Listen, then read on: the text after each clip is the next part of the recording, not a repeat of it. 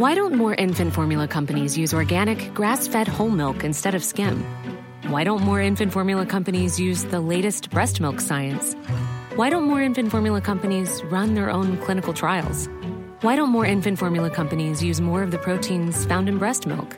Why don't more infant formula companies have their own factories instead of outsourcing their manufacturing? We wondered the same thing. So we made ByHeart, a better formula for formula. Learn more at byheart.com. In the market for investment worthy bags, watches, and fine jewelry, Rebag is the answer. Rebag is a luxury resale platform where each piece is carefully inspected by experts to ensure quality and authenticity. Use Rebag to buy and sell finds from the world's top brands, including Louis Vuitton, Chanel, and Cartier. Head to Rebag.com to get 5% off your first purchase with code REBAGNEW. Shop today at Rebag.com. That's R E B A G.com. And use promo code REBAGNEW for 5% off your first purchase. Selling a little or a lot? Shopify helps you do your thing however you cha-ching. Shopify is the global commerce platform that helps you sell at every stage of your business. From the launch your online shop stage to the first real life store stage, all the way to the did we just hit a million orders stage.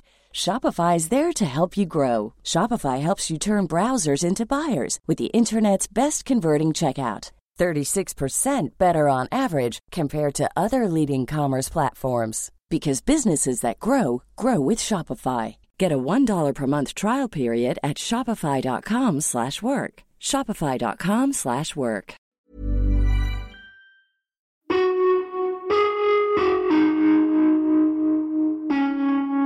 Du lyssnar på Spår. Quick Quickfiles.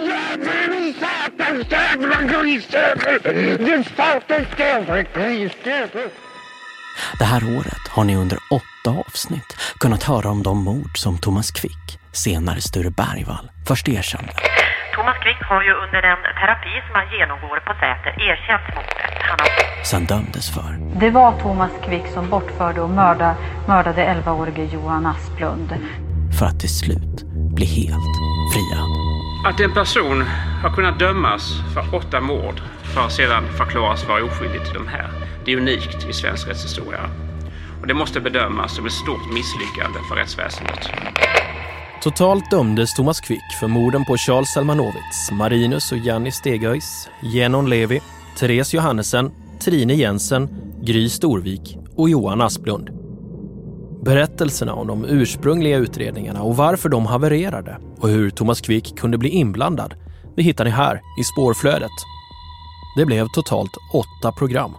Och även vi som på förhand hade koll på Quick-ärendet blev många gånger förvånade över hur omfattande Quick-skandalen var. Den här hunden den, den markerade på väldigt många ställen. Bara för människan. Den markerar inte, den markerar inte eh, så, så som den gör när den markerar för människa när den hittar djur, till exempel djurspillning eller, eller rester efter djur. Så markerar det- den, här- den markerar på ett helt det- annat sätt. i- Så är det Ja. och det vet Så vi är mycket det då väl. inte. Nej, Det- så är De det. För att lyssna på de här åtta avsnitten och stödja vår journalistik så måste ni bli prenumeranter. Lättast är att gå in på avsnittsbeskrivningen eller gå in på vår hemsida www.thirdear.studio och tryck prenumerera. Vi som jobbar på spårredaktionen är som ni vet, förutom mig och Anton, också Eva-Lisa Wallin och Maria Hansson Bottin. Ni kommer höra oss alla fyra i det här avsnittet eftersom vi lyfter fram delar av våra tidigare åtta program. Fast vi sammanfattar här skandalen till er i en kondenserad form. Men gå gärna in och lyssna på alla de där åtta tidigare avsnitten vi gjort. Där får ni höra från de anhöriga och drabbade om fallen som Kvick tog på sig skulden för och vad det gjorde med människorna som då berövades möjligheten till rättvisa. Och jag skulle ju själv vilja veta, vad hände den 7 november på morgonen och var är Johan? Det skulle jag vilja veta. Vi ska också berätta vad vår granskning av Bergvallkommissionens föreslagna åtgärder säger. Vad som faktiskt skett. Och kanske ännu viktigare, vad som inte hänt. Sist kommer vi intervjua professor Christian Dahlman vid Lunds universitet. Det är intressant att se er genomgång att så lite har hänt av det som Bergvallkommissionen rekommenderade och de förbättringar och reformer som borde ha gjorts med anledning av den här skandalen. Ni får höra Christian Dahlman förklara vad han menar mot slutet av avsnittet. Som professor med expertområdet bevisvärdering i brottmål är han ypperligt lämpad att kommentera vår granskning och ge en analys om vad han anser att detta fått för betydelse för det svenska rättssystemet och om de åtgärder som vidtagits är tillräckliga eller inte. Så ni som lyssnat på de andra avsnitten och redan känner att ni vill hoppa direkt dit kan faktiskt snabbspola fram mot slutet av programmet. Under hela den här skandalen har det funnits en kritik mot hur polis och åklagare styrt utredningen kring Thomas Quick och hans erkännanden. Redan 1993, när en jägare råkade stöta på benrester av Charles Selmanowitz i skogen kom direkt kritik från Leif GW Persson mot åklagaren Christer van der Kvast. Persson menade att det saknades bevis som kunde binda Thomas Quick till det han påstod. Det är en kritik som återkom från Leif GW Persson mot utredningen under nästan 20 års tid. Året efter, 1994, dömdes Thomas Quick för sitt första mord. Här i Piteå tingsrätt så har domen mot Thomas Quick, också kallad Sätermannen, just offentliggjorts. Och inte oväntat så döms Quick för mordet 1976. Det kom att bli åklagare Christer van der Kvast och polisen Seppo Pentinen som var inblandade i varje mordutredning. Till sin hjälp hade de stundtals också psykologen Sven Å Kristiansson. Han bidrog med förhörstekniker som skulle lyfta fram kontrollerbar fakta samtidigt som han forskade på Quick. Samtidigt som han också anlitades som expertvittne. Under utredningens gång förklarade åklagaren bristen på teknisk bevisning i kombination med att Thomas Quick gång på gång hade fel med att han hade bortträngda minnen. Det vill säga, det var omöjligt för honom att minnas för att det var för smärtsamt. Men med hjälp av beroendeframkallande mediciner och terapi kunde Thomas Quick till slut närma sig en form av sanning. Något som också Thomas Quicks psykologer vid Säter sjukhus bekräftade. Vissa av berättelserna som Thomas Quick berättade under behandlingen, som att han skulle fått en dödfödd bror som hans föräldrar styckade och begravde i skogen medan Thomas Quick såg på, bekräftades aldrig av övriga familjemedlemmar. De utredande poliserna frågade aldrig heller om det var sant. Istället blev det en förklaring, menade psykologerna, till varför Thomas Quick skulle begå så grova brott. Fallet med hans påstådda bror kom att kallas Simon-illusionen av Quicks psykologer. Kritiken mot Quick-utredningarna fortsatte under tiden som rättegångarna pågick. God kväll. Ja, är han en sadistisk seriemördare eller en djupt störd mytoman? 1998 kom till exempel Dan Larsson ut med sin bok Mytomanen Thomas Quick. Och under tiden hade också Johan Asplunds föräldrar och advokaten Pelle Svensson blivit kraftiga kritiker mot Quick-utredningarna och uttalat sig i media. Men man lägger väldigt mycket fokus på just smaskiga detaljer. Det verkar finnas något dramaturgiskt behov hos någon av regissörerna för detta. 2002 skrev Jan Olsson, tidigare chef för gärningsmannaprofilgruppen, på DN Debatt om att han inte tror på att Quick är en seriemördare. Det skulle alltså dröja ända till 2008 då Hannes Råstam med hjälp av researchen Jenny Kyttim kunde avslöja att detaljerna i Thomas Quicks erkännande kom dels från media som Thomas Quick hade tillgång till men också polisen själva som under förhör och vallningar och rekonstruktioner i kombination med ett allvarligt tablettmissbruk hjälpt Quick att erkänna. Jag har inte begått något av de mord jag är dömd för. Och jag har inte heller begått något av alla de andra morden jag har erkänt. Det är så det är. Och så kom också ett pärlband av resningsansökningar under ett antal år. Till en början ledda av advokat Thomas Olsson och Martin Kullberg och senare Thomas Olsson själv och vid ett tillfälle även en åklagare. Resningsansökningarna ledde till att Thomas Quick blev frikänd för samtliga mord han dömts för. Sveriges enda seriemördare i modern tid visade sig inte vara en. Riksåklagare Anders Perklev vill inte peka ut några speciella personer som orsaken till detta rättsliga misslyckande. Det är väldigt svårt att sätta sig i den situationen som de befattningshavare som arbetade med de fallen hade med tanke på förändringar i arbetssätt, förändringar i tidsandan och, och praxis. Så att jag tycker det är svårt att, att göra det eh, nu i efterhand. Man måste också respektera detta, att så lång tid har gått, att vi inte kan gå in i konkreta utredningar av till exempel tjänstefel eller disciplinansvar.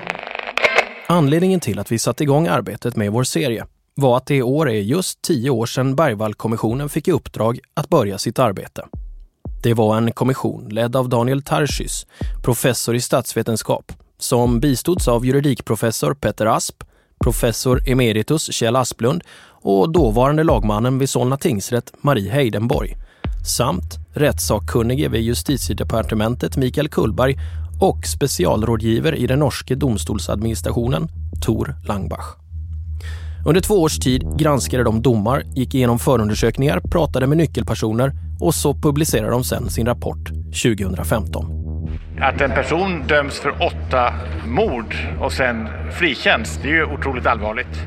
Det är också mycket allvarligt att de anhöriga åsamkades lidande. Att spaningen efter ett antal verkliga mördare upphörde. Och det, vi vet inte riktigt hur många mördare, men minst, minst fem mördare eh, har gått fria. Så Spår har ställt sig frågan, vad har vi lärt oss? Har någonting hänt sedan Sveriges största rättsskandal rullades upp? Och har vi sett till att en sån här skandal aldrig kan inträffa igen?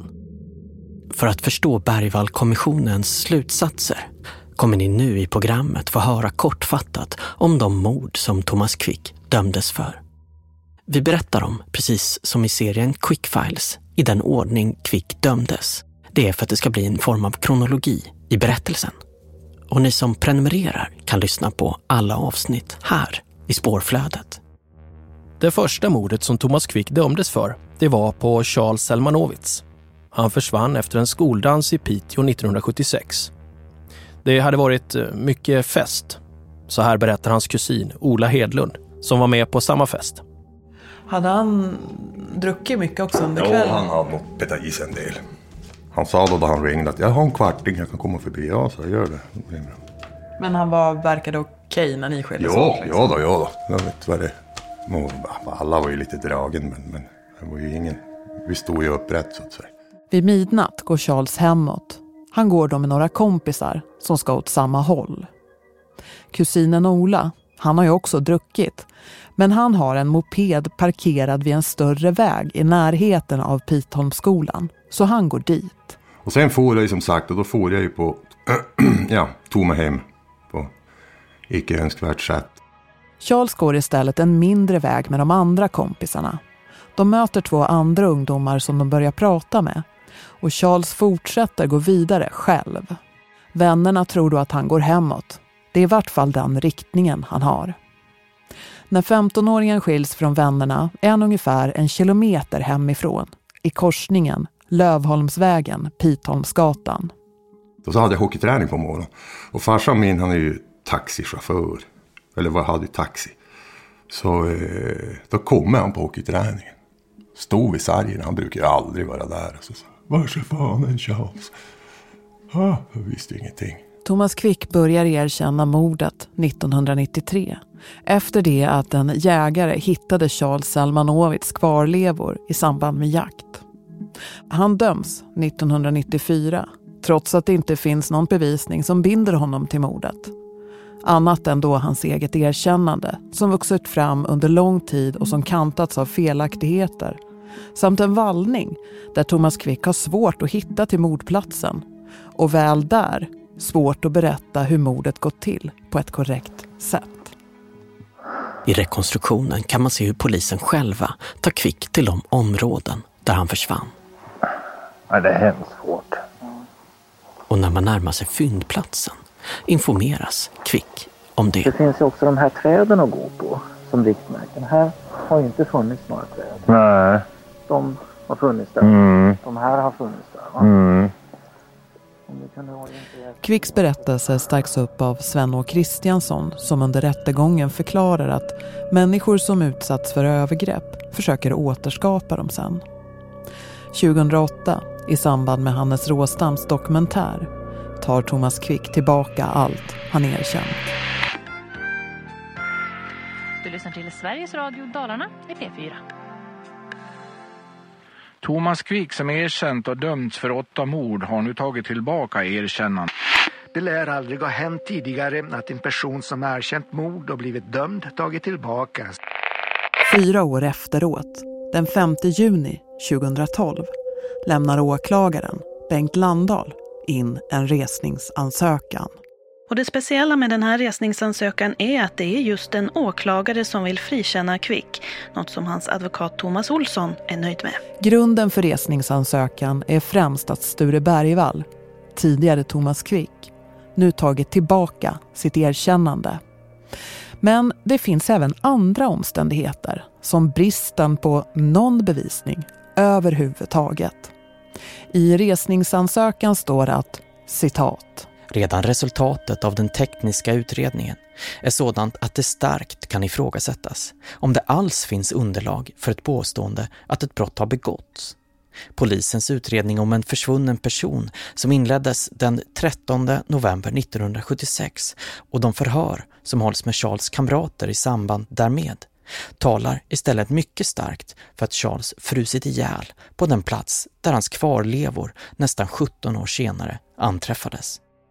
När Bergvallkommissionen granskar utredningen om mordet på Charles Selmanovits konstaterar man att Sture Bergvall, citat, inte vid något förhör lämnat en längre sammanhängande redogörelse för hela händelseförloppet. Slutcitat. Han får ledande frågor av förhörsledarna och får frågor som i sig innehåller nya uppgifter. Kommissionen riktar också kritik mot hur vallningen i Piteå dokumenterats. Att det är en stor brist som gör att det är svårt att avgöra om det var Sture Bergvall som berättade om riktning och hur man skulle ta sig till platsen eller om det gått till på något annat sätt. Bergvallkommissionen lyfter också Sven Å. Kristiansson som dels var rådgivare till polis och åklagare, dels förde egna samtal med Thomas Quick slash Sture Bergvall inom ramen för sin egna forskning och till sist också då sakkunnig i domstol. Alla dessa jävsförhållanden borde påpekats, inte bara av advokaten, utan även åklagare och domstol. Dessutom ifrågasätter Bergvallkommissionen om det fanns vetenskapligt stöd för det som Kristiansson vittnade om, som att gärningspersoner vid mord, likt det på Charles Selmanowitz, ofta själv utsatts för övergrepp och att morden blev en slags omedveten berättelse om egna upplevelser. Bergvallkommissionen konstaterar att utlåtanden från sakkunniga fått stort genomslag i domstolarna samtidigt som det vid tiden för rapportens publicering 2015 saknas ett system för kvalitetssäkring. Daniel Tarschys är Bergvallkommissionens ordförande. Det, det, det, finns ju alla anledning när man får ta in sakkunnigutlåtanden att försöka bedöma trovärdighet på olika vis va? och kvalifikationer hos de som ger sig utlåtanden. Och att även kanske i vissa fall ha, ha, ha eh, dubbel och tredubbel uppsättning experter så att säga, så att man får lite olika bilder av, av olika saker. Kommissionens förslag är att utreda möjligheten att inrätta ett system för kvalitetssäkring av sakkunnigutlåtanden. Man nämner att i Norge finns den rättsmedicinske kommission som kvalitetssäkrar alla rättsmedicinska sakkunnigutlåtanden som ingår i en brottsmålsprocess i norsk domstol. Och Bergvallkommissionen är inte ensam om att vilja få till en kvalitetssäkring av sakkunnigutlåtanden. Även justitiekanslern och Svensk rättsmedicinsk förening är inne på samma linje. Spår har sökt justitiedepartementet om den här frågan kring sakkunnigutlåtanden. Men enligt Linda Billung, departementsråd och enhetschef, pågår inget arbete kring den här frågan. Och när vi kontaktar Domstolsverket får vi följande svar från deras rättsenhet. Citat. Så vitt vi vet så pågår det för närvarande inget lagstiftningsärende gällande den här frågan. Domstolsverket känner inte till att det skulle finnas något gemensamt kvalitetssäkringssystem som domstolarna skulle använda sig av. Det kan givetvis inte uteslutas att någon eller några domstolar skapat rutiner för detta. Men det har inte kommit till Domstolsverkets kännedom och vi driver inget arbete om att införa ett sådant system. Slut citat. Nästa mord som Thomas Quick dömdes för var mordet på det holländska paret Stechehöjs i Apojaure 1984. Den så kallade Sätermannen Thomas Quick som förra året dömdes för mord på en 15-årig pojke kommer att åtalas för ytterligare två mord. Kanske mer känt som tältmordet i Apojaure. Det gäller de två holländska turister som mördades i sitt tält vid sjön Apojaure i Lapplandsfjällen för 11 år sedan. Paret hittas knivhuggna till döds i ett tält 1984 men någon gärningsman hittas aldrig av polisen. Tio år senare, 1994, vårdas Thomas Quick på Säters sjukhus. Och efter att en reporter från Aftonbladet under en intervju frågat om Thomas Quick misstänks för dubbelmordet så börjar Thomas Quick erkänna. Polisen genomför en i efterhand djupt kritiserad rekonstruktion. har Quick gått runt på tältplatsen och orienterat sig. Han har haft märkbart svårt att hantera den ångest som drabbar honom och stora svårigheter att beskåda själva tältet. Thomas Quick är oförmögen att visa hur mordet har gått till och han förvandlas till sitt alter ego, Ellington.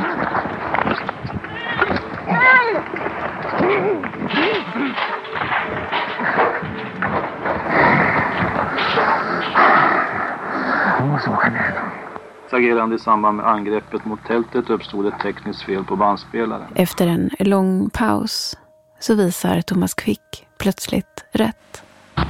Under den paus som förevarit har Quick sagt att han vill göra om det första försöket.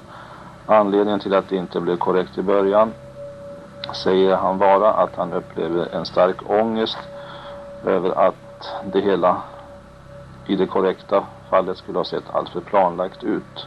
Thomas Quick pekar också ut en medgärningsperson, Jonny Farebrink, ett namn han fått av polisen.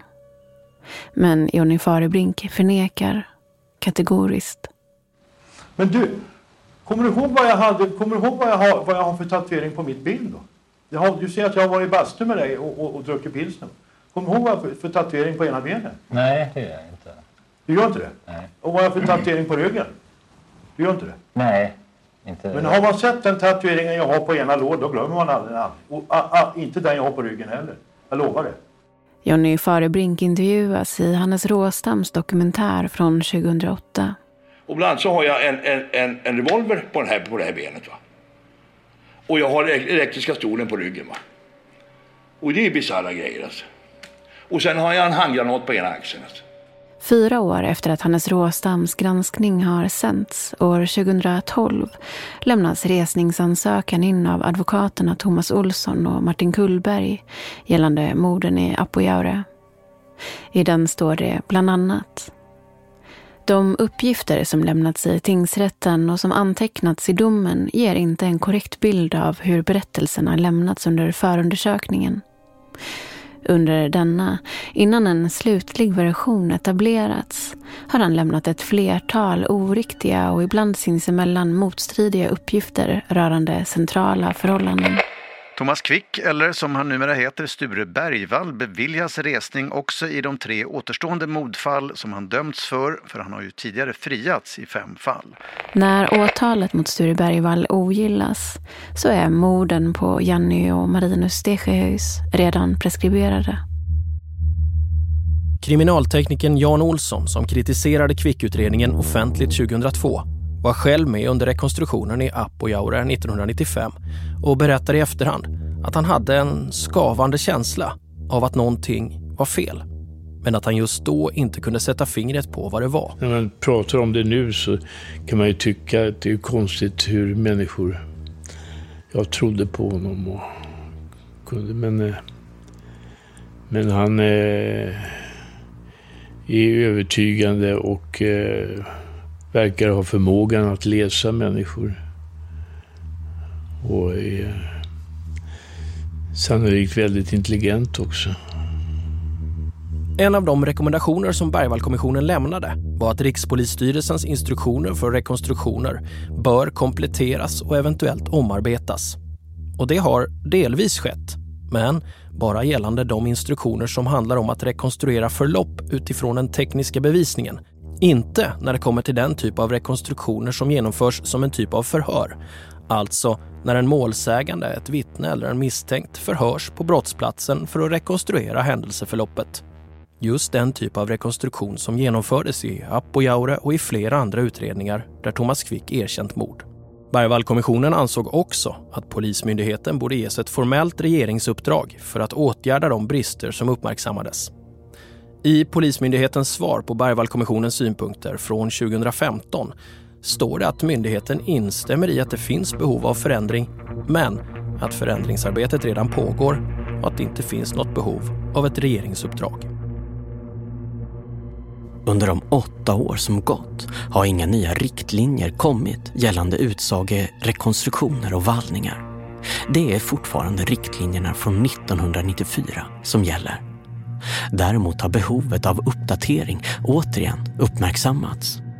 Under 2019 lät polisen göra en intern granskning av det så kallade Fittjafallet som handlade om en misstänkt gruppvåldtäkt i Fittja där samtliga misstänkta friades av tingsrätten.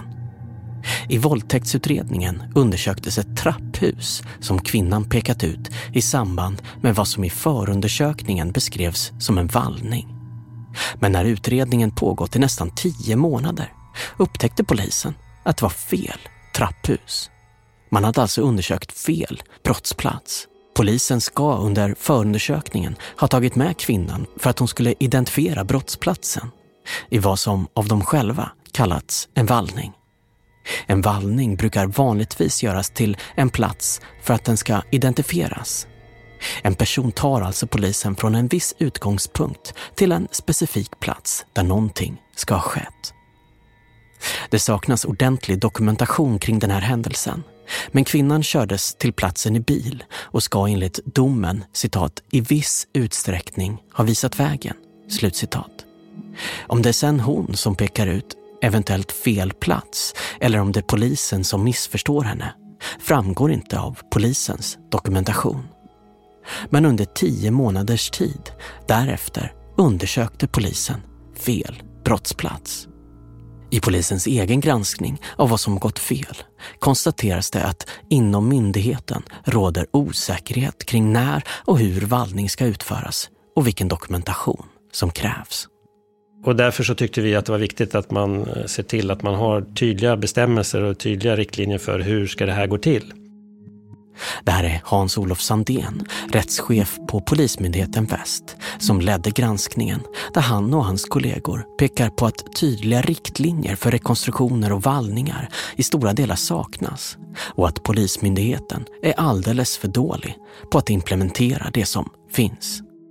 Ja, men man kan ju tycka att det är synd. Eh, jag, tycker ju det är någonting som, som man borde göra. Sen måste man ju också veta om att eh, myndigheten är väldigt stor. Vi har 35 000 anställda. och det är svårt att nå ut och det är svårt med implementeringsfrågor. Ehm, men, men det liksom gör ju inte att man, att man inte måste anstränga sig och att man måste se till att göra rätt. Brist på teknisk bevisning i samtliga fall gjorde också just förhören, rekonstruktionerna och vallningarna extra viktiga för att stärka Thomas Quicks trovärdighet. Rekonstruktionerna och vallningarna kom ofta efter långa förhör av polis som i sin tur hade föregåtts av terapi och medicinering. Under de långa processerna kom också eventuella felaktigheter att korrigeras och närma sig de uppgifter som polisen kunnat få fram. Det kunde man se i fallet med den norska flickan Therese Johannesen som försvann en dag 1988 och som Thomas Quick erkände att ha mördat under terapin i början av 1996. Fallet med Therese Johannesen en av Norges största utredningar. Therese Johannesen försvann en regnig dag 1988 helt spårlöst. Och trots en mångårig utredning så kom man aldrig till en lösning av fallet. Tusentals människor förhördes. Inte i ett enda av dem, eller överhuvudtaget i polisens förundersökning, nämns Thomas Quick. Ändå, så när Quick börjar erkänna att han mördat Therese Johannesen så bedöms han som trovärdig. Vid ett polisförhör den 20 mars 1996 berättar Thomas Quick för polisen Seppo Penttinen om själva bortförandet. Han kommer till fjäll utanför Drammen i en grön Honda, säger han. Och han är ensam i bilen. Det var mitt på dagen solen stod högt. Det här är advokat Thomas Olsson som många år senare, när Thomas Quick tagit tillbaka sina erkännanden, kommer att kämpa för resning i det här och de andra mordfall som Thomas Quick dömdes för. Han återger vad Thomas Quick berättade i de tidiga förhören i Therese-utredningen. Han eh, parkerade vid en slänt. Eh, ovanpå den här slänten så låg då byn eh, Fjäll som, som han beskrev det, en, eh, ett stort antal, ett antal trähus som, som, som låg i en liten klunga då, som byn.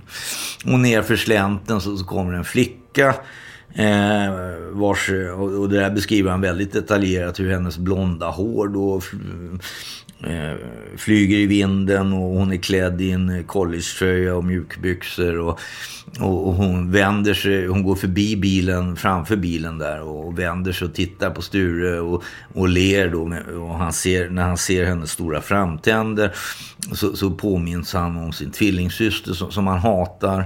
Och, och, och, då förvandlas han till Ellington eh, Eh, och, Ellington rusar ut i bilen och bemäktigar sig den här flickan Therese och, och, och, kör iväg. Eh, och sen är det liksom ingen ände på, på gruvsamheterna som, som händer då. Ingenting av det som Thomas Quick berättar stämmer. Fjäll består av höghus, inte låga enfamiljsvillor. Therese Johannesen försvann på kvällen medan det regnade. Inte mitt på dagen då solen stod högt. Och hon är inte blond utan har mörkt hår. Hon har inte några stora framtänder. Utan hon har en stor glugg efter att ha tappat båda sina framtänder i översäken. Och när hon försvann så var hon inte heller klädd så som Thomas Quick beskriver hennes klädsel. Och, och, då kan man väl säga att i, i den här situationen så, så, får man väl ge eh, Stures initiala berättelse noll rätt. Men du, du skulle förmodligen ha, ha, fått en mer korrekt berättelse om, om du hade singlat slant på, på varje omständighet. Men, men det, det, fanns ingenting i det Sture hade berättat som, som stämde med, med fakta. Men i det här förhöret konstaterar förhörsledaren Seppo Pentinen enligt förhörsutskriften att det ju ofta är saker som förändras med tidens gång i de uppgifter som Thomas Quick lämnar i de olika utredningarna. Och Seppo Pentinen frågar om det förekommer några medvetna avvikelser i det som Thomas Quick berättar. Medvetna avvikelser, eller bevissta avvikelser, det är att man ljuger. Man hittar på någonting som inte är sant. Det var en term som Sture Bergvall själv myntade. Förhörsledaren Seppo Pentinen har sagt nej till att medverka i den här serien. Men han har ställt upp och pratat med norska NRK och beskriver där hur det är Thomas Quick själv som myntar begreppet medvetna avvikelser. Han beskrev att det här gör jag för att tygla den ångest som uppstår. Jag orkar inte berätta hela historien fullt ut. Och det är egentligen ingenting ovanligt. Och då berättar Sture Bergvall felaktigheter blandat med konkreta, avstämningsbara, unika uppgifter. En av de rekommendationer som lämnades av Bergvallkommissionen var att poliser i brottsutredande tjänst kontinuerligt bör uppdateras om förhörs och utredningsmetoder, rådande kunskapslägen och nya forskningsrön. Och här har också en förändring skett. 2024 kommer för första gången en nationell förhörsmodell att implementeras inom den svenska polisen. Jag tycker det är ett viktigt steg i rätt riktning att Sverige eh, inför en nationell förhörsmodell som alla måste följa. Det här är Mikaela Magnusson. Hon forskar inom rättspsykologi på Göteborgs universitet och undervisar dessutom på polisutbildningen i Borås. Jag tänker det här är ju någonting som forskare länge har efterfrågat och som eh, vi ser andra länder har varit tidiga med att införa en nationell förhörsmodell medan det har tagit ganska lång tid för Sverige innan det här eh, faktiskt nu ska implementeras från och med 2024. I Sverige saknas en systematisk utvärdering av hur förhör genomförs och av vilka metoder som faktiskt används i olika delar av landet. De förhörsmetoder som präglade 1900-talet och ofta lärdes ut både i Sverige och andra länder som USA var konfrontativa och inriktade på att få misstänkta att erkänna brott. Men studier har visat att de kraftigt ökar risken för falska erkännanden. Trots det finns det ett flertal exempel på att sådana metoder används i Sverige även på senare år. Handboken, som just blivit färdig, innehåller delar av en förhörsmetod som i många år lärts ut på polisutbildningen. Det handlar om en informationsinsamlande metod, så kallad kognitiv intervjumetodik. Den har i första hand tagits fram för förhör med målsäganden eller vittnen och därför krävs försiktighet i förhör med misstänkta. Så det är en viktig begränsning att ta hänsyn till och där måste man ju jobba i början så är det här med hypotesprövande, man måste jobba objektivt, man måste utreda olika alternativa förklaringar till vad som kan ha hänt. Och det var väl ett problem med förhören med Thomas Quick eller Sture Bergvall. Att man låste sig vid en hypotes och inte utredde brett. I Quick-utredningen användes till viss del den kognitiva intervjumetodiken Förhören var inte konfrontativa utan gick ut på att hjälpa Thomas Quick att minnas och berätta. Men det fanns två stora problem med det här. Det ena var att Thomas Quick i de tidiga förhören ofta var trevande eller helt fel ute kring centrala detaljer. Däremot var han detaljerad när han berättade om känslor. Och förhörsledarna och utredarna missade att det var de själva som gav Thomas Quick tillräckligt med viktig information för att berättelsen till slut skulle stämma. Alla felaktigheter han kom med under utredningens gång betraktades som medvetna avvikelser och dessutom ifrågasatte varken förhörsledare eller åklagare teorierna om bortträngda minnen. Det tror jag har skett en stor förändring inom Polismyndigheten, att, att man har mycket bättre kunskap om det här idag än vad man hade för 20 år sedan. Och det ser vi också eh, inom rättsväsendet i stort, att man har bättre kunskap kring eh, frågorna kring bortträngning och varför det är kritiserat utav forskare.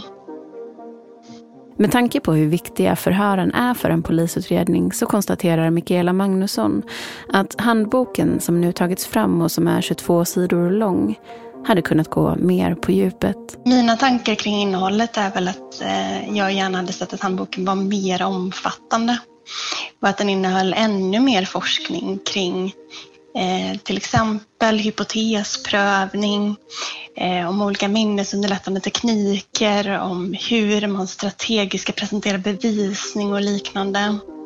Jag tror att här finns det mycket forskning att tillgå som inte når ut till svensk polis idag. En risk jag ser är att det här bara blir ett dokument som man ber alla anställda att läsa igenom och det vi har sett från forskningen i andra länder det är ju att man också behöver utbilda. Man måste satsa på utbildning när man implementerar en nationell förhörsmodell. Så det ser jag som en risk idag, att den är inte så omfattande den här handboken och det finns utrymme för tolkningar av hur man ska göra. Nästa fall som Kvick döms för är mordet på Genon Levi. Han hittas död 1988. Vi fortsätter med nyheter från Radio Dalarna. En man som av allt att döma blivit mördad hittades i lördags vid en skogsväg i Rörshyttan mellan Långshyttan och Stjärnsund norr om Hedemora. Det som gör fallet med Genon Levi speciellt är att det finns teknisk bevisning kvar och möjlighet att faktiskt DNA-testa det som polisen hittat vid brottsplatsen. Till och med mordvapnet, en träpåk. Och i det fallet kunde man se tydligt att det DNA som finns kvar inte matchar med Thomas Quick. Det finns också ett par glasögon vid fyndplatsen som omöjligt kan ha varit Quicks. De, misstänker polisen, tillhör en man från Tunisien. I fallet med Genom Levi görs också en omtalad rekonstruktion där Quick i förhör tidigare angett en rad olika felaktiga mordvapen men nu under rekonstruktionen får instruktioner om just en träpåk som används vid mordet. Storleken. Ser du någonting som längdmässigt eller storleksmässigt överensstämmer med? Seppo Pentinen frågar Thomas Quick om han ser något som längdmässigt stämmer överens med föremålet och på filmen syns hur Pentinen måttar med armarna. Den träpinne som Kvick tar upp är i ungefär samma längd. Ja, möjligen någonting, någonting sånt här. Men ja, någonting sånt här. Men något, något grövre då. Och det, det är det som träffar honom eh, på den sidan. Två år senare, i januari 1997, kommer också ett utlåtande från Statens kriminaltekniska laboratorium, då motsvarigheten till NFC. Där det står att blod och DNA som hittas på Genon Levis kläder och saker inte kommer från Kvick eller Bergvall. Efter det här, de här rekonstruktionerna och annat så sammankallade åklagaren möte med poliser, rättsläkare och jag var också med. Polisen Jan Olsson som genomfört tekniska analyser om hur mordet gått till, han minns polisarbetet så här. Och där framkom vid mötet till min överraskning att åklagaren tänkte åtala Kvick för det här mordet. Han eh, började först tala med rättsläkaren och eh, var något som han ville få ändrat i utlåtandet från, denna, från rättsläkaren. Det finns nämligen ett rättsmedicinskt utlåtande om samstämmigheten mellan de rättsmedicinska fynden vid obduktionen och Kvicks uppgifter om hur mordet gått till. Det är daterat 17 november 1996. I det utlåtandet konstateras att Kvicks olika versioner av hur mordet gått till inte alltid stämmer medicinskt och att en del versioner inte stämmer med skadorna på Genom Levis kropp. Det görs nu ett nytt utlåtande som kommer till efter mötet som Jan Olsson berättar om.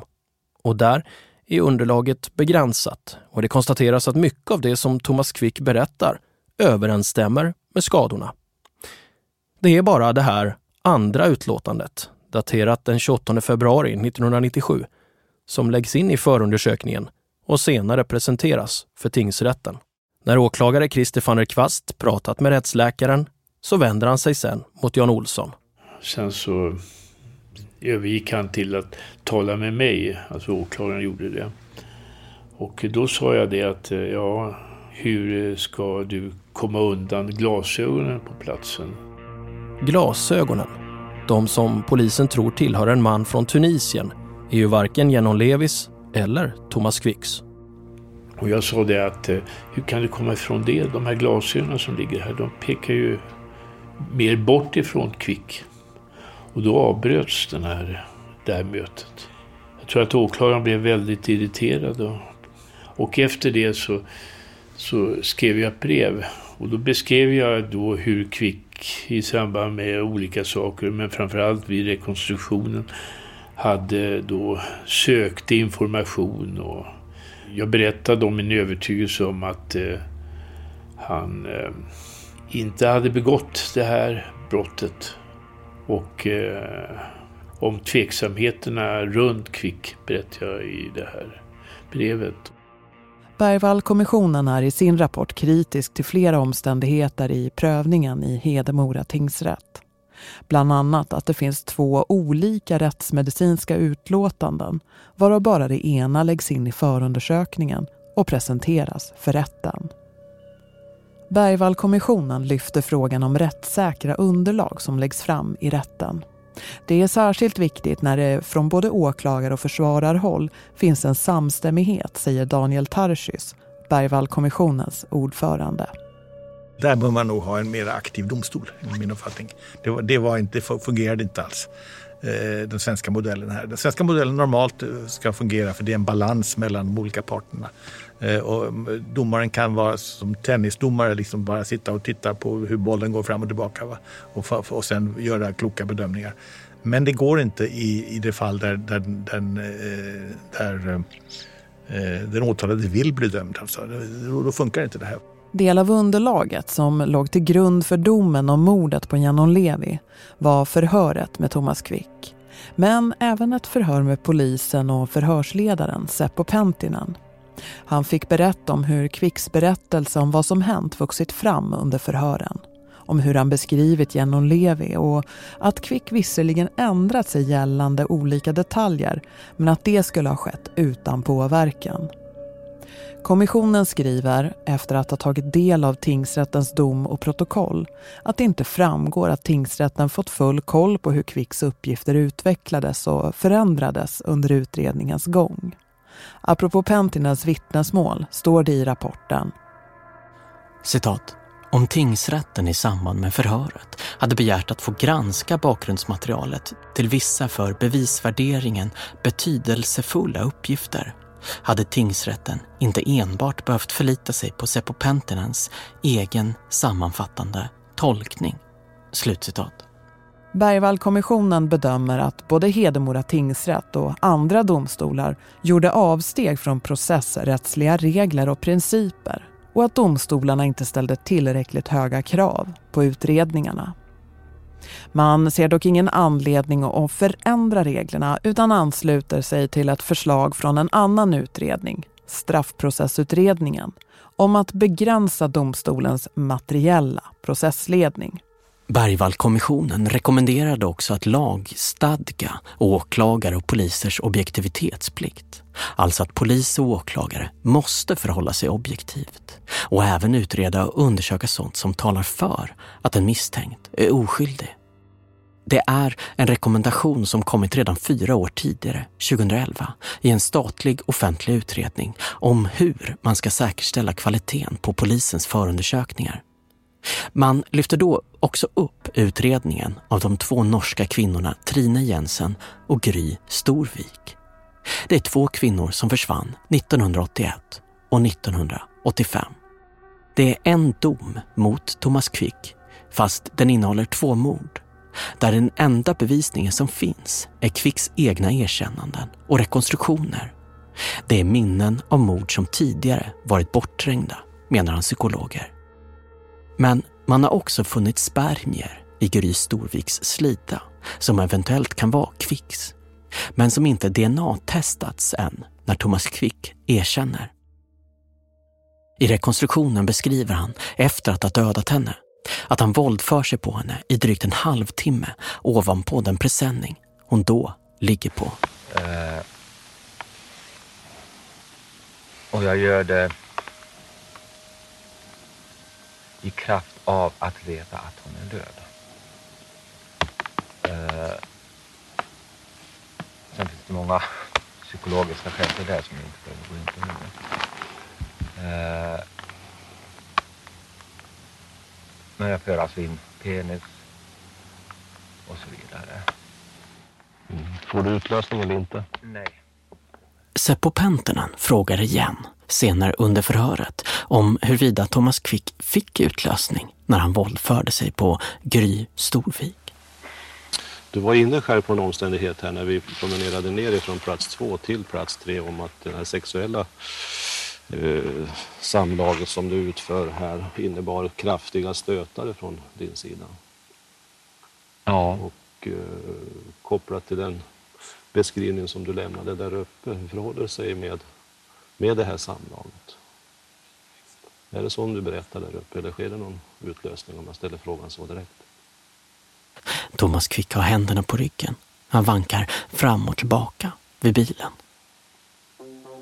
Jag vågar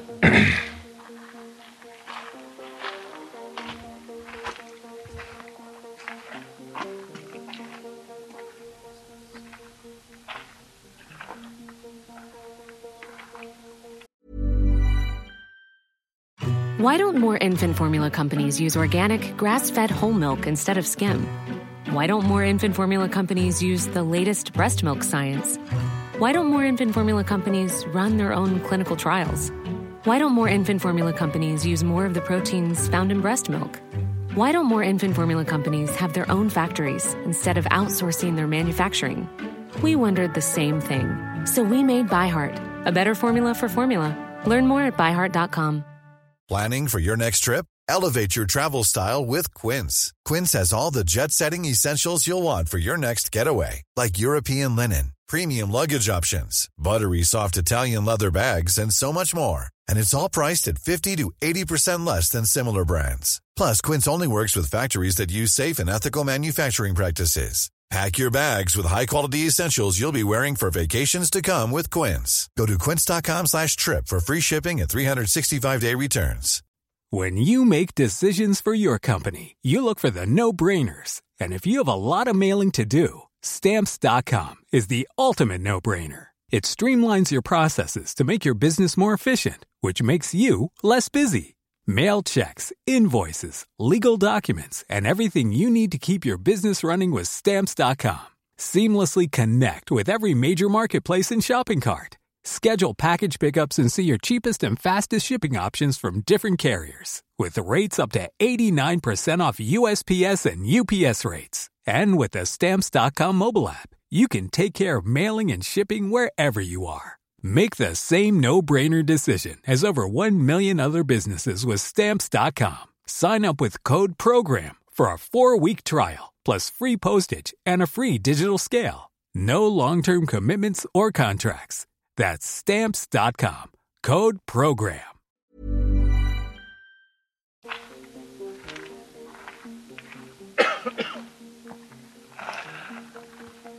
Jag vågar inte tänka den tanken.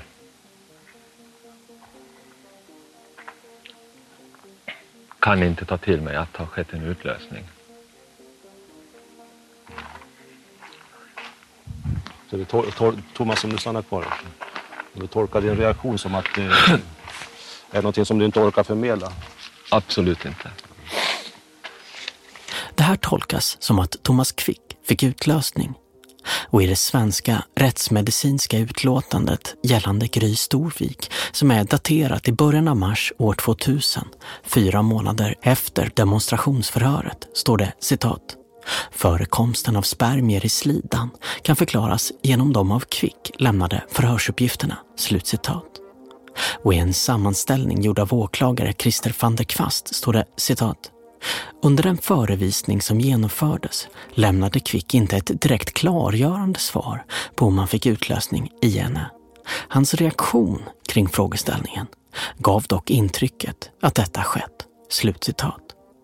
Men när DNA-analys senare görs och visar på att det inte är Thomas Quicks spermier ändrar man sig och menar att förekomsten av spermier beror på att hon är prostituerad och att det inte förtar Quicks erkännande. Den 22 juni år 2000 kommer så domen. Där står det citat. Det finns inte någon teknisk bevisning som binder Thomas Quick till brotten. Sedan han tagit kontakt med polisen har utredningen inriktats på att ställa hans uppgifter mot kontrollerbara fakta. Det finns ingenting i de objektiva fynd som redovisats i utredningen som på någon enda punkt strider mot innehållet i Thomas Quicks berättelse. Berättelsen är inte orimlig. Slutcitat. I domen läggs även vikt vid att Thomas Quick tidigare dömd för liknande brottslighet och att hans terapeut på Säter, Birgitta Ståhle, vittnat om att Thomas Quick är kapabel till de brott han åtalats för. Citat. Vid värdering av den bevisning som således föreligger i målet bör även vägas in det förhållandet att såväl den psykiatriska som psykologiska bild som framkommer beträffande Thomas Quick visar att han inte varit främmande för att begå den typ av brott varom nu är i fråga. Birgitta Ståhles i målet avgivna utsaga bekräftar detta. Han har också tidigare dömts för fem mord. Slutcitat. Året efter att Bergvallkommissionens rapport publicerades, alltså 2016, ändrades lagtexten på ett flertal ställen och ett par nya paragrafer tillkom. Så det finns numera lagkrav på objektivitet i det brottsbekämpande arbetet, i samband med förundersökning och efter att åtal har väckts av åklagare. En annan av de rekommendationer som lämnades var att regeringen bör ge Vetenskapsrådet i uppdrag att göra en översyn av den rättspsykiatriska forskningen i Sverige. Och inom psykiatrin hittar vi många förändringar efter kommissionens rapport. Thomas Quick vårdades på Säter sjukhus och erkände under påverkan av höga doser narkotikaklassade läkemedel och i en terapiform där teorierna om bortträngda minnen fick vägleda arbetet. Hela den teorin kring det har ifrågasatts och används inte längre inom rättspsykiatrin, så vitt jag vet. Där är Peter Andiné. Han är professor i rättspsykiatri vid Göteborgs universitet och ordförande i Svenska rättspsykiatriska föreningen. Det enkla svaret är väl att det har hänt det har, eh, har hänt mycket och att eh, regeringen har gjort det som det stod för rättspsykiatrin. År 2016 gav regeringen Vetenskapsrådet i uppdrag att göra just det som Bergvallkommissionen efterfrågat. En kartläggning av den rättspsykiatriska forskningen i Sverige. Rapporten blev klar år 2017. Eh, och där gav man då råd om vilken typ av forskning som, som behövs, vilken strategi man ska ha. Samtidigt fick SBU, Statens beredning för medicinsk och social utvärdering, i uppdrag att se över var kunskapsbehoven är som störst inom rättspsykiatrin och att ta fram kunskapsöversikter. Och trots att mycket har förändrats sedan 90-talet så var resultatet nedslående. Där slutsatsen väl var att det finns ingen det finns ingen bra vetenskaplig evidens för de metoderna vi använder idag i rättspsykiatrin. Uh, eh, ja, det var ju lite tråkigt men, men eh, det var, blev viktigt. Sedan rapporterna publicerades har den rättspsykiatriska forskningen i Sverige tilldelats mer pengar. I arbetet med att ta fram metoder går det att snegla på hur arbetet ser ut i andra länder. Men eftersom rättspsykiatrin är tätt sammankopplad med ett lands rättsväsende och vilka som döms till rättspsykiatrisk vård respektive fängelse så behövs metoder som passar de patientgrupper som finns inom den svenska rättspsykiatrin. Ehm, så, så slutsatsen var väl ändå att man måste göra forskningen även i Sverige. För, ja, för rättspsykiatrin så är det viktigt att det här arbetet fortsätter och att de här insikterna och alla de här pengarna som man har lagt ner, att de kommer förs ut hela vägen ända ut till patienten.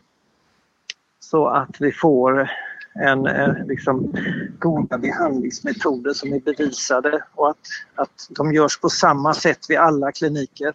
Det är det som jag, jag jobbar med eh, och många med mig då. Så att det är vår utmaning framöver. Så att det inte bara blir några pappersprodukter som inte liksom når hela vägen ut på golvet.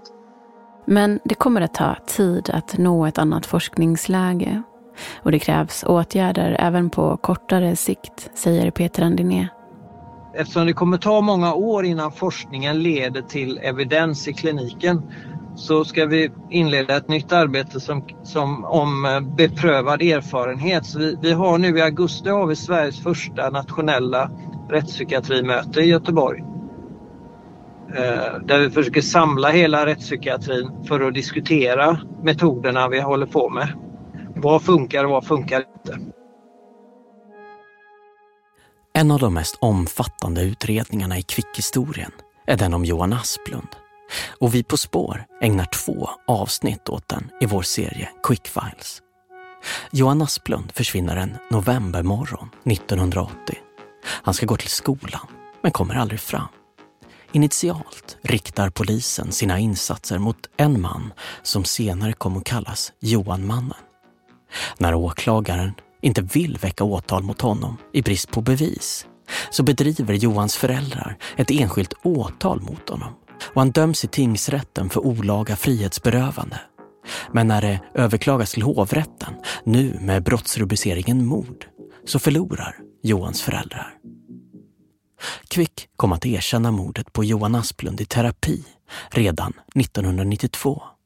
Polisutredningen kommer ingen vart och det är först efter att han dömts för fyra andra mord som polisen börjar ta tag i utredningen igen 1998. Precis som innan så jobbar de med rekonstruktioner och vallningar. Du, har du någon, känner du till någon som har en katt? Jag har kört på en katt här nere. Det finns ingen teknisk bevisning i fallet med Johan Asplund. Men den här gången har polisen istället en hund, Sampo, som åklagaren menar markerar på de platser där Kvick under förhör och vallningar svepande förklarat att han lämnat de styckade kroppsdelarna av Johan Asplund. Det anses vara nog för att stärka hans trovärdighet, menar senare tingsrätten. Men under rättegången så väcks också mycket frågor om hur Kvickutredningen egentligen gått till. tidigare rättegång eh, som har varit både i Sundsvalls tingsrätt och hovrätten i det här fallet med en annan gärningsman eh, har slagit fast vissa, slagit fast vissa fakta som eh, eh, hur viktiga är de så att säga i det här målet? Ja, det är ju det är ju ganska intressant detalj här. Va? Därför att om man tar del av tingsrätts eller hovrättsdomarna som då fanns i den förra rättegången så ska, kan man säkert hitta vissa detaljer som domstolarna har ansett föreligga eller ansetts visade. Kan det vara så att de inte står i överensstämmelse med det som nu sägs? Det, det, är, det är ju faktiskt en ganska spännande fråga. Kan man få något svar på det? Ja, om man sätter sig ner och jämför. Och det kan man väl göra om man är undersökande journalist. 2001 faller domen mot Thomas Quick och efter det så tystnar han. Han tvingas trappa ner på sin medicinering och efter domen i Johan Asplund-fallet kommer inga fler erkännanden. 2015, efter det att Bergvallkommissionen kom med sitt utlåtande, var en av de kritiska punkterna som framfördes att ingen lyfte fram att allt som talade emot erkännanden, trots att de ibland också fanns med i förundersökningen. Enligt kommissionen är ett av de allvarligaste felen att ingen tillräckligt tog fasta på det som talade mot att Sture Bergvall var skyldig, varken i förhör, vallningar eller i rättegångarna. Enligt kommissionen var för få personer inblandade i utredningarna. Det ledde till ett grupptänkande där man inte tog in kritiska synpunkter. Samma åklagare borde inte ha hållit i flera så svårbedömda utredningar om samma person utan att utredningarna granskades och också tingsrätterna får hård kritik. Det är en och samma åklagare som står bakom samtliga stämningsansökningar om mord mot Thomas Quick, Christer van der Kvast. I Bergvallkommissionens rapport så skriver man det faktum att en och samma åklagare tilläts ansvara för flera omfattande och svårbedömda mordutredningar och åtalsbeslut avseende samma misstänkt samt frånvaron av granskning och kontroll av utredningsarbetet och åtalsbesluten utgör en strukturell brist. Men Bergvallkommissionen skriver också att problemet redan uppmärksammats av riksåklagaren att ett förändringsarbete inletts och att man mot den bakgrunden inte bedömer att några förändringsförslag från kommissionen behövs. En praxis ändrades så tillvida att man undvek att utse samma person att vara åklagare i, i, i flera olika fall. Daniel Tarschys var ordförande för Bergvallkommissionen och professor emeritus i statsvetenskap. Samma personer hade varit med eh, ett, ett antal olika rättegångar och det, det gjorde att, att man inte fick någon liksom, fräsch infallsvinkel. Så att säga. Som, där tror jag praxis redan från början ändrade sig. Så det är klart att det här har fungerat lite grann som ett varnande exempel trots allt. Det var inte vår rapport som, som gjorde det till varnande exempel utan det var väl det att man insåg när, när de här åtta domarna liksom vältes över ända och eh, resningsansökan bifölls så förstod man att man hade gjort en del tabbar. När spårs Maria Hansson Botin kontaktar åklagarmyndigheten så får hon till svar att det idag är vanligt, legio, att citat två eller flera åklagare arbetar tillsammans i stora ärenden. Det är inte enbart en rättssäkerhetsfråga utan minst lika mycket en arbetsmiljöfråga. Slutcitat. I sin bok Bortom rimligt tvivel skriver Christer van der Kvast att det fanns stunder då han övervägde att låta någon annan ta över utredningarna men citat... Samtidigt insåg jag att det skulle bli mycket svårt och tidsödande för en ny åklagare att ta till sig all den kunskap som ackumulerats om Kvicks sätt att berätta. Som jag såg det var det till stor fördel med kontinuitet i utredningsarbetet. Slutcitat. Spår har till den här säsongen sökt de som arbetade med utredningen. Åklagare Christer van der Kvast och polisen Seppo Pentinen. Sture Bergvalls psykologer och terapeuter på rättspsykiatriska kliniken i Säter. Och tidigare justitiekanslern Göran Lamberts. Men de har inte velat medverka eller inte svarat på intervjuförfrågan. Men vid läsningen av Bergvallkommissionens rapport är det också tydligt att ansvaret för att det gick fel är brett det handlar inte bara om enstaka personer, utan också om strukturer. Normalt när man har en brottsprocess i Sverige så har man en åklagare som påstår någonting och så har man ett försvar, en försvarsadvokat som säger motsatsen. Och så får rätten, domstolen, ta ställning till de här påståendena och försöka vä vä välja vad man vill tro på. Så här säger Bergvallkommissionens ordförande Daniel Tarschys när han intervjuas av Maria Hansson Potin. Eh, men det här fallet var speciellt så tillvida att eh, Bergvall eh, erkände och önskade bli fälld. Med andra ord, åklagaren och försvaret var på samma sida. Det var, blev inte någon sån här kontradiktorisk process, att, att man säger emot varandra. Det blev ingen kontradiktorisk process, utan man, det var en sam, rådde samstämmighet mellan eh, åklagare och försvar. Och det gjorde det svårt för domstolen att, eh, att tränga in i en massa frågor. I andra länder är det ibland så att domstolen är väldigt aktiv. Domaren själv försöker ställa frågor och, och få svar. Men så gör man inte i Sverige, utan i Sverige är det just den där idén om att, att åklagaren eh, och, dom och försvars, försvaret ska liksom ha en dialog och så ska man därav dra slutsatser. Och den, den modellen, som är den klassiska svenska modellen, den fungerade illa helt enkelt i det här fallet. Hur stor av del av problemen ligger i systemet kontra de personer som var inblandade? Ja, det ligger i systemet naturligtvis. Alltså, eh, det var ett ovanligt mål, eller ett antal ovanliga mål just av den anledningen att den åtalade ville bli fälld. Det försvårade för domstolen att ta ställning. Man fick inte de motargument som man skulle ha fått i en mer normal rättegång. Men frågan är, kan allt det här hända igen. Christian Dahlman är nu med i, eh, från Lund. Och eh, förutom att vara professor med särskilt eh, inriktning på bevisvärdering så driver också, eh, ja precis som vi, en krimpodd. Berätta. Jo, vi har en podd vi, som produceras av juridiska fakulteten i Lund som heter Öppet fall. Som handlar om uppmärksammade rättsfall. Som vi har kört ett antal år där vi sitter och lite från ett forskarperspektiv då analysera, titta på argumenten för och emot. Eh, om vad åklagaren hade för argument, vad försvararna hade för argument och om de är hållbara eller inte. Och vi har både gjort avsnitt om aktuella fall som kommer från eh, HD som varit i nyheterna och historiska fall som mordet på Gustav III och sånt där. Och, eh, och vi har ju bland annat gjort avsnitt om Kvick som, som vi kommer att prata om här. Ja, jag hade stor nytta av er genomgång av Gustav III och mordet på honom när jag skrev min senaste bok. Så att, eh, tack för det. Och ett tips till alla som lyssnar på spåret. Öppet fall kan ni också kolla in. Tack så mycket. Om vi ska gå in på, du har ju lyssnat på vårt avsnitt här nu om eh, vad vi har kommit fram till, vilka förändringar som faktiskt har skett då när det gäller eh, Bergvallkommissionens förslag eh, och inte skett. Om vi tar dem eh, en efter en och så får du kommentera då. Och vi kan börja mm. med den här objektivitetsplikten för polis och åklagare. Ja, alltså där eh, föreslog ju Bergvallkommissionen då att man skulle lagfästa den här objektivitetsplikten.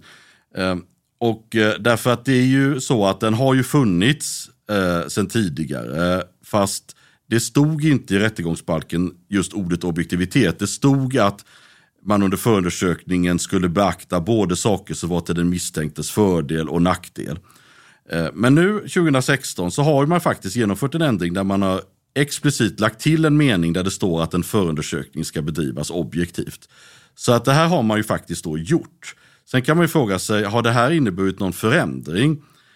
Ja, alltså rent juridiskt så är det ju ingen förändring som jag ser det för att objektivitetsplikten fanns ju tidigare. Det, jag tror inte det finns någon åklagare där ute som uppfattar det som att man har fått någon ny plikt som man inte hade tidigare. Så det ändrar ju inte rättsläget utan det är närmast ett, ett förtydligande av rättsläget.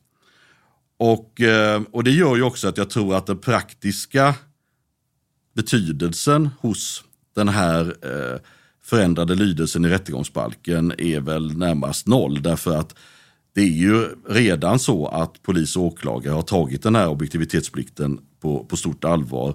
Och när jag, jag träffar ju mycket åklagare och pratar med dem och de, de upplever ju ofta själva att de är objektiva även i situationer där de kanske är lite biased. Åklagare är ju också människor och, och sådär. Eh, och, så att de, den här, när åklagare inte lever upp till den så är min bild att det är omedvetet. Och då är det på det sättet så hjälper det ju inte med någon explicit lagstiftning. Därför att eh, åklagare inte själva märker i situationer där de avviker från den. Så jag tänker inte att det här är en punkt där, där det har hänt något som i praktiken gör någon skillnad. Mm.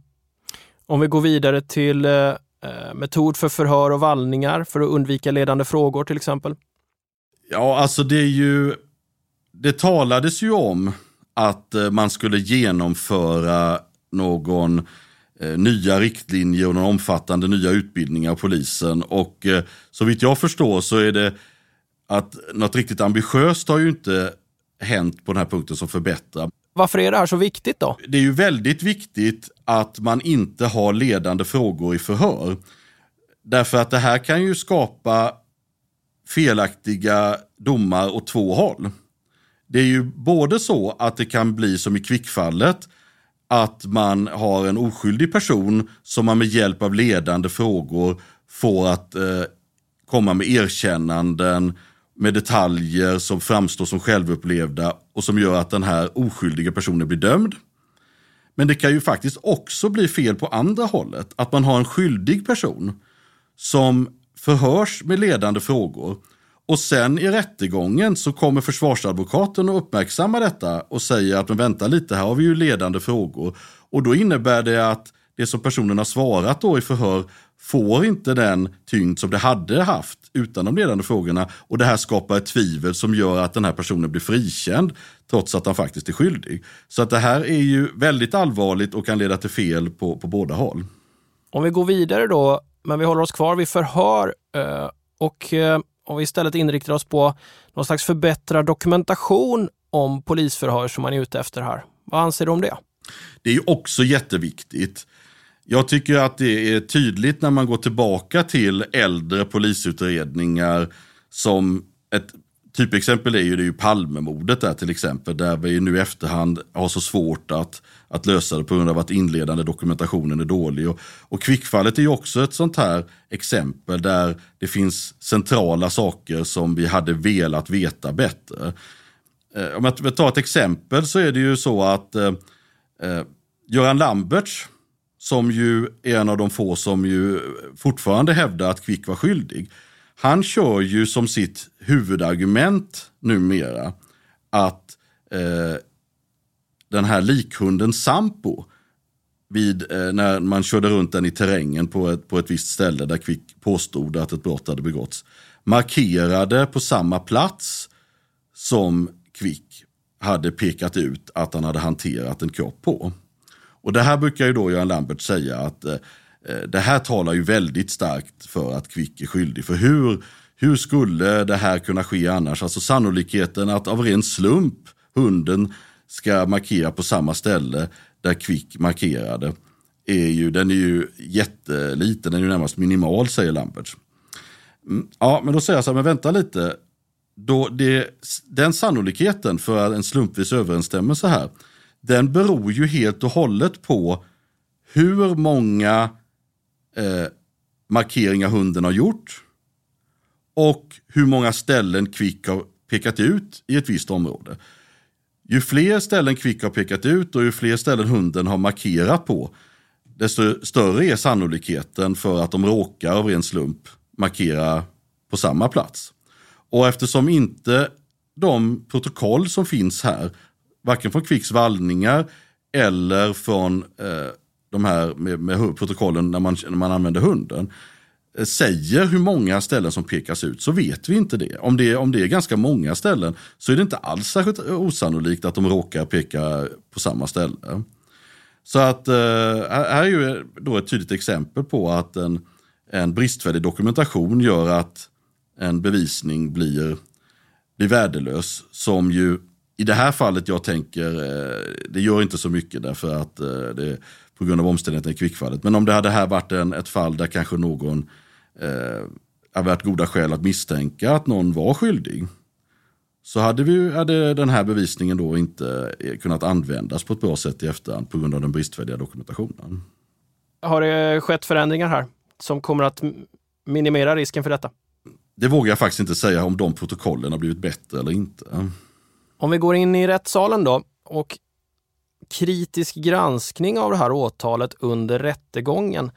Det är någonting mm. som du har varit inne på också. Ja, där är det ju så som ju lyssnarna har hört i eh, er sammanfattning av det här fallet, att eh, som ju eh, Daniel Tarschys lyfter fram när han intervjuas, att det som då brukar kallas för den kontradiktoriska processen sattes ju i spel i kvickfallet. Den kontradiktoriska processen bygger på att vi har två parter, vi har en aktiv åklagare, vi har en aktiv försvarare och att då försvararen är en kritisk granskare av åtalet som lyfter fram allting och vis, pekar för domstolen och säger att här har vi de olika svaga punkterna och kommer med motargument och alternativa hypoteser. Men så var det ju inte i det här fallet. Som vi vet så var ju Claes Borgström och eh, de andra försvararna som, som Quick hade var ju helt passiva och närmast hjälpte åklagaren att få honom dömd på grund av att Quick ville själv bli dömd. Han eh, hade ju erkänt, men det var inte bara att han hade erkänt utan han ville verkligen bli dömd. Det var ju så att han vid en av rättegångarna till exempel fick hålla ett litet eget anförande i slutet på rättegången där han riktade sig mot domstolen och, och bad med tårfyllda ögon om att bli dömd och, och sa att eh, sa, ge mig mitt människovärde tillbaka, döm mig. Och, eh, och det tog ju Borgström på väldigt stor allvar då och eh, ansträngde sig för att eh, gå den här viljan till mötes. Och det skapar ju då den här situationen där den här kritiska granskningen av åtalet inte ägde rum. Och det, som jag ser det så är det ju det, det stora problemet här. Och hade, hade man istället haft en, en aktiv och kritisk försvarare så hade de här rättegångarna sett helt annorlunda ut. Man hade fått en kritisk granskning, den personen hade uppmärksammat de ledande frågorna och eh, hade gjort domstolen uppmärksam på alternativa förklaringar och utredningsbrister. Och eh, vi hade kanske inte alls, han hade kanske inte alls blivit dömd. Så att där, där ligger ju, som jag ser det, det stora problemet. Borgström medverkar inte här, men när jag intervjuar honom i en P3-dokumentär om detta så, så säger han att ja, men jag, det här var liksom min uppgift. Jag hade en klient, jag var tvungen att vara lojal mot honom. Han, när han erkände saker så, så framförde jag dem till exempel till åklagaren och sen är det upp till honom att värdera. Mm. Och jag vet att, att Claes Borgström såg det på det sättet. Och det här har ju att göra med det här som brukar kallas för lojalitetsplikten som advokater har mot sin klient. Och eh, om man tittar bland advokater och inom advokatetisk litteratur och sådär så är den ju, den anses vara väldigt viktig men det finns ju också en viss diskussion om hur exakt man ska tolka den. Vad är det man ska vara lojal mot? Och Borgström tolkar ju lojalitetsplikten som att jag ska vara benhårt lojal mot klientens uttalade vilja. Om Kvick säger att jag vill bli dömd så ska jag vara lojal mot det. Men en alternativ tolkning till det här är ju att säga att nej, men du ska snarare vara lojal mot klientens intresse. Om vi har här, och i många, de flesta fall sammanfaller ju de här, men i det här fallet när vi har en psykiskt sjuk person som vill bli dömd, då, då kanske inte de här intressena sammanfaller längre. Utan det som är klientens verkliga intresse är att ha en aktiv advokat som kritiskt granskar åtalet så att inte eh, han blir oskyldigt dömd. Um, och eh, jag tycker ju att det faktiskt är mer rimligt att tolka advokatetiken och klient, eh, då den här lojalitetsplikten till klienten i en sån här situation som att man inte ska vara lojal mot vad klienten säger utan vad som är klientens verkliga intresse. Ehm, men det, Borgström har en annan uppfattning och eh, det är ju så att den uppfattning han har ryms ju inom det som brukar kallas för god advokatsed. Så att det var ju inte så att han blev prickad eller något sånt för detta. Men jag tycker ju att till skillnad från Bergvallkommissionen som accepterade Borgströms argument så tycker jag ju nog att advokatsamfundet borde tänka över om detta verkligen är god advokatsed. Är det verkligen så här man ska tolka lojalitetsplikten? Att eh, när man har att göra med en psykiskt sjuk person som, som vill bli dömd.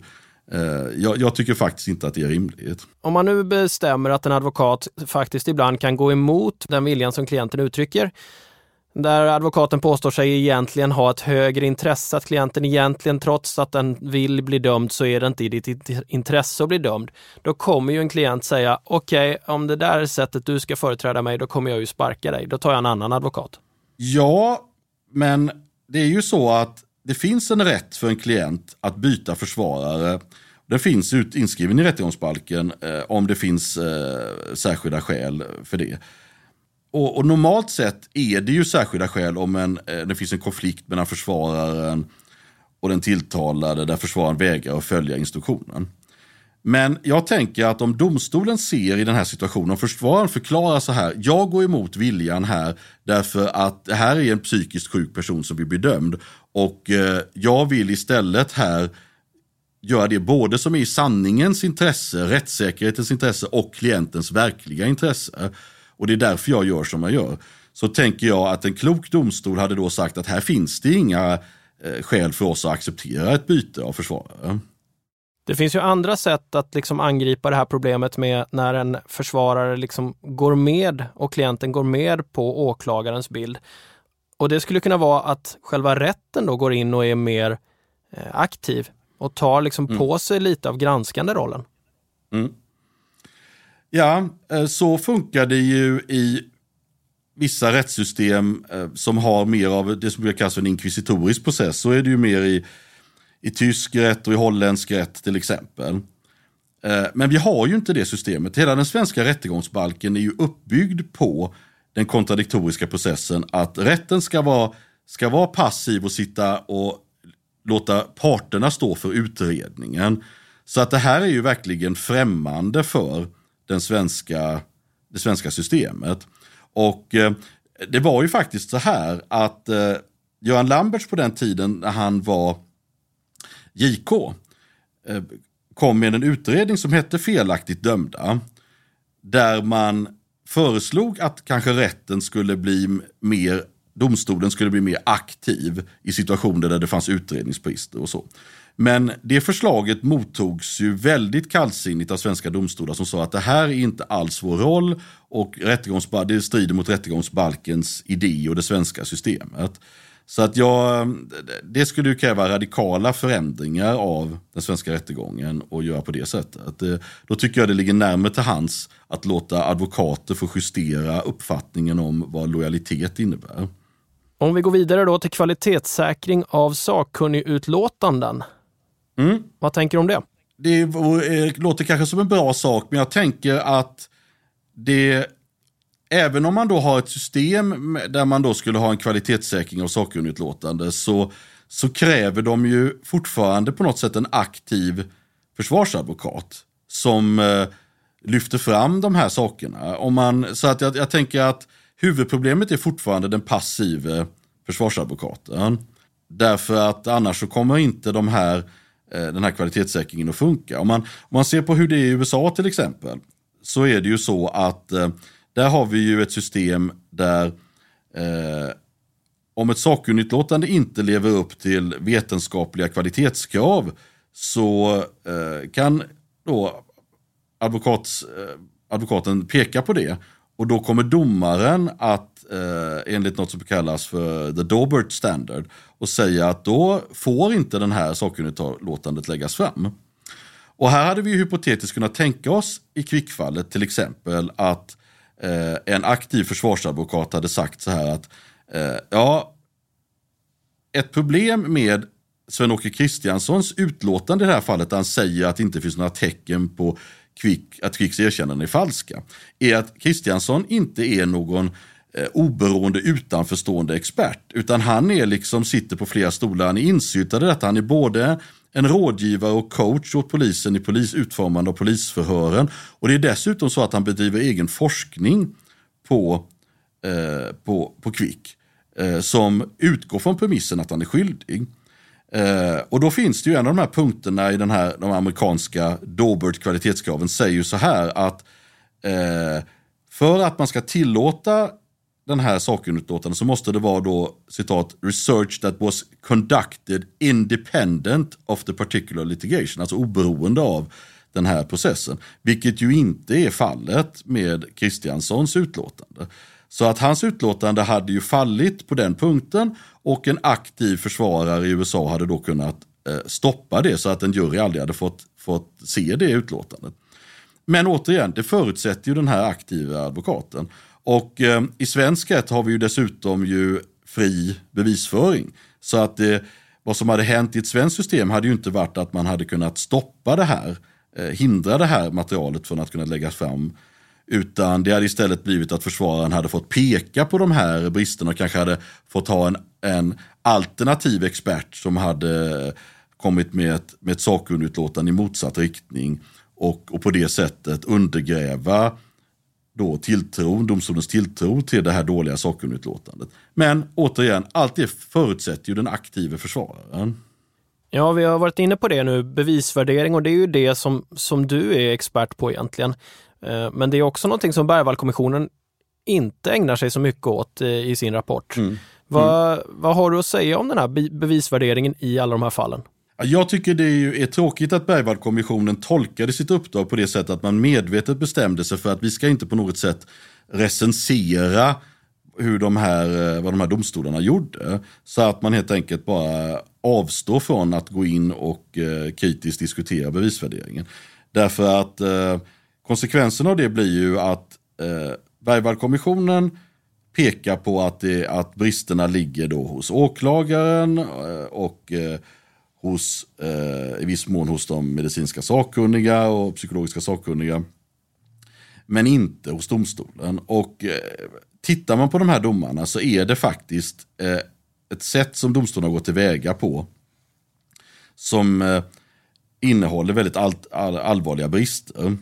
Ehm, det är ju så i bevisvärdering att man måste hela tiden när man presenteras med olika med en gärningsbeskrivning, olika hypoteser från åklagarens sida, så måste man hela tiden fundera på alternativa förklaringar och alternativa hypoteser till det som åklagaren presenterar. Och man måste fråga sig, ja, den här bevisningen som vi ser, den kanske passar bra med vad åklagaren säger, men hade den också kunnat förklaras nästan lika väl av, en, av någonting annat? Så måste man hela tiden tänka i bevisvärdering. Och eh, det har ju domstolarna som dömde Quick inte gjort ser man ju väldigt tydligt. man, man har liksom inte tagit den här, det tänket på allvar med alternativa hypoteser. Eh, och i viss mån så beror det väl återigen på den passiva försvararen, för det här är ju någonting som en aktiv försvarare hela tiden gör, är ju att lyfta fram alternativa förklaringar och hela tiden är ju domstolen uppmärksam på dem. Men det är ju faktiskt så att domstolen har en skyldighet att beakta alternativhypoteser även när det inte är så att de kommer från försvararhåll. Eh, och, eh, och, det, och det missar man genomgående. Jag, jag kan ta ett exempel. Så är det ju så här att huvudargumentet för att Quick är skyldig att han har begått de här morden i, är ju samma i alla rättegångarna. Åklagaren van der Kvast säger så här att det är inte bara hans erkännande, utan det är att hans erkännande innehåller detaljer som bara gärningsmannen kunde känna till. Det är liksom huvudargumentet. Och Det kan vara detaljer om, om offrets kläder eller andra omständigheter, hur det såg ut i terrängen och så vidare. Och eh, vi vet ju nu i efterhand att Quick lyckades pricka in en del av dem där tack vare att han satt i hundratals timmar och fick ledande frågor. Och när han svarade fel på kläder så fick han frågan igen tills han, så småningom prickade rätt och sådär. Ehm, det visste ju förstås inte domstolarna. Men den här alternativhypotesen om ledande frågor fanns faktiskt redan från början. Och för att undanröja den så är det så att eh, åklagaren van der Kvast, han låter Seppo Pentinen, polisen som genomförde alla de här förhören, får berätta för domstolen om hur förhören med Quick gick till. Och då så säger Pentinen så här att nej, nej, det var inga ledande frågor överhuvudtaget, varken vid vallningar eller annat. Och hur ska man tänka som domstol då? Ja, man ska förstås tänka så här att ja, men här sitter ju han och uttalar sig i egen sak. Han sitter ju här och recenserar sig själv. Om det har varit ledande frågor så har ju han gjort ett fel. Bara för att han säger att han inte har ställt ledande frågor, kan vi då utgå från att, att inte det har skett? Nej, det kan vi förstås inte göra. Det kan ju vara så att han är omedveten om att han har ställt ledande frågor. Eller att han kanske inser det, men kan inte sitta nu och erkänna det här felet i efterhand. Så att vara en, en kritisk domstol som gör en korrekt bevisvärdering borde ha tänkt är att okej, okay, här har vi en alternativ hypotes som vi måste ta, ta på allvar, ledande frågor. Och att att han sitter och säger att han inte har ställt några ledande frågor, ja det undanröjer ju inte den därför att av de skäl jag precis sa. Men det gör man inte. Utan istället så säger ju domstolarna att ja men då var det utrett då att det inte var några ledande frågor så tycker man saken är klar. Och då tar man ju inte de här alternativhypoteserna på allvar. Ehm, ett annat exempel är ju att det som händer när man tar alternativhypoteser på allvar är att man då börjar inse att okej, okay, om, om vi tänker oss den här alternativa förklaringen, vad skulle det kunna finnas för utredning som hade kunnat peka på den? Och då kanske man ser som domstol att vänta lite, det som åklagaren har lagt fram och utrett, det är ju bara de sakerna som är ägnat att stödja åklagarens uppfattning. Medan vi inte har fått se de saker som kanske hade kunnat tala i en annan riktning. Och det är ju då en, en så kallad utredningsbrist då. Att eh, man då, att, att de sakerna inte har blivit ordentligt utredda i rättegången.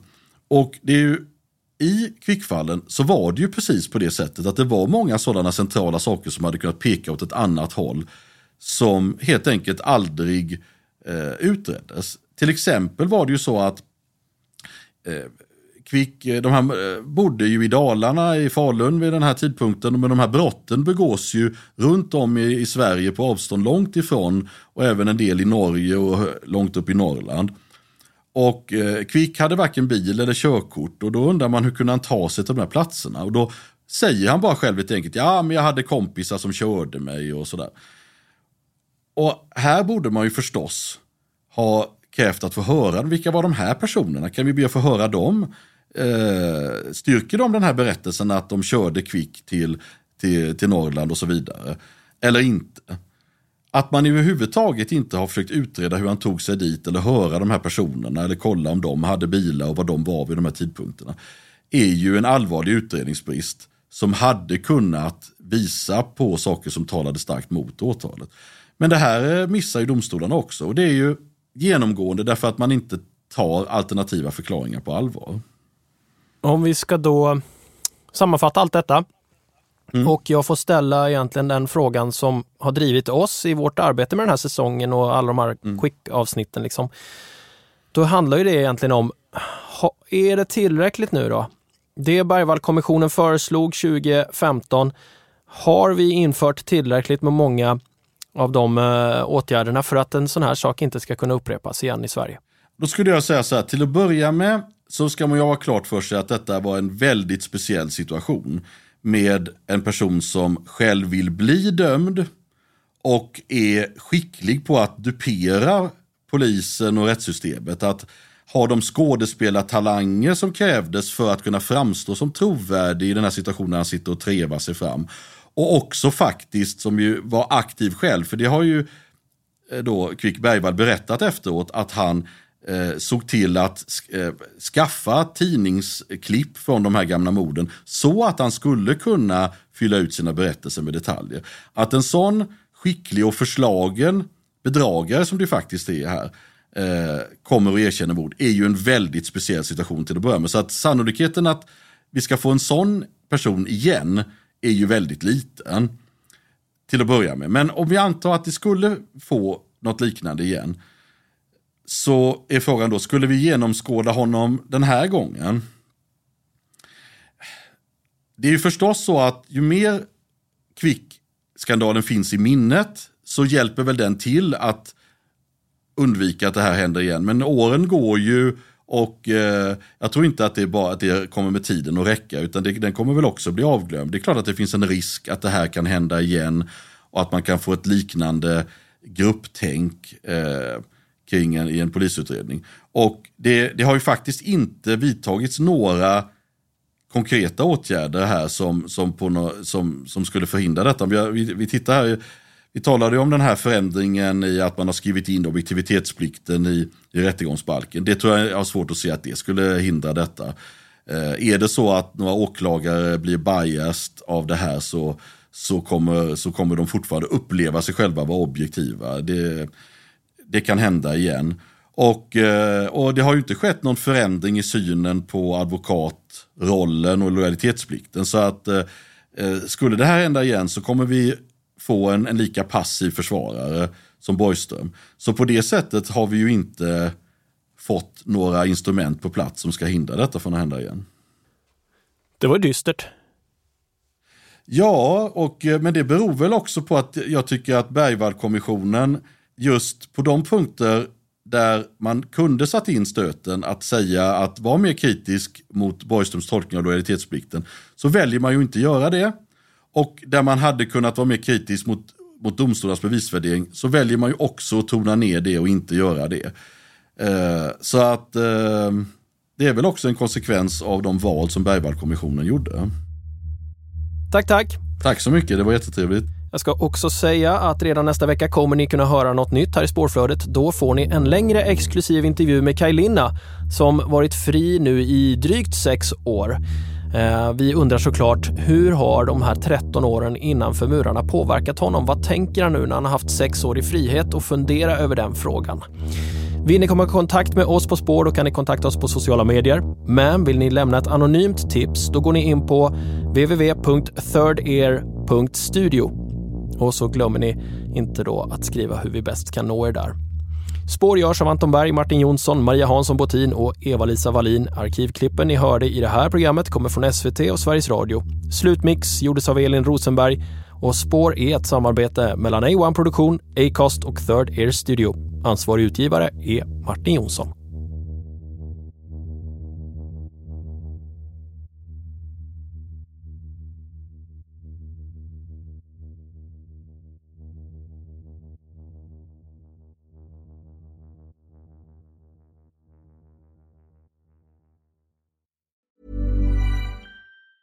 Hey, it's Danny Pellegrino from Everything Iconic. Ready to upgrade your style game without blowing your budget? Check out Quince. They've got all the good stuff shirts and polos, activewear, and fine leather goods, all at 50 to 80% less than other high end brands.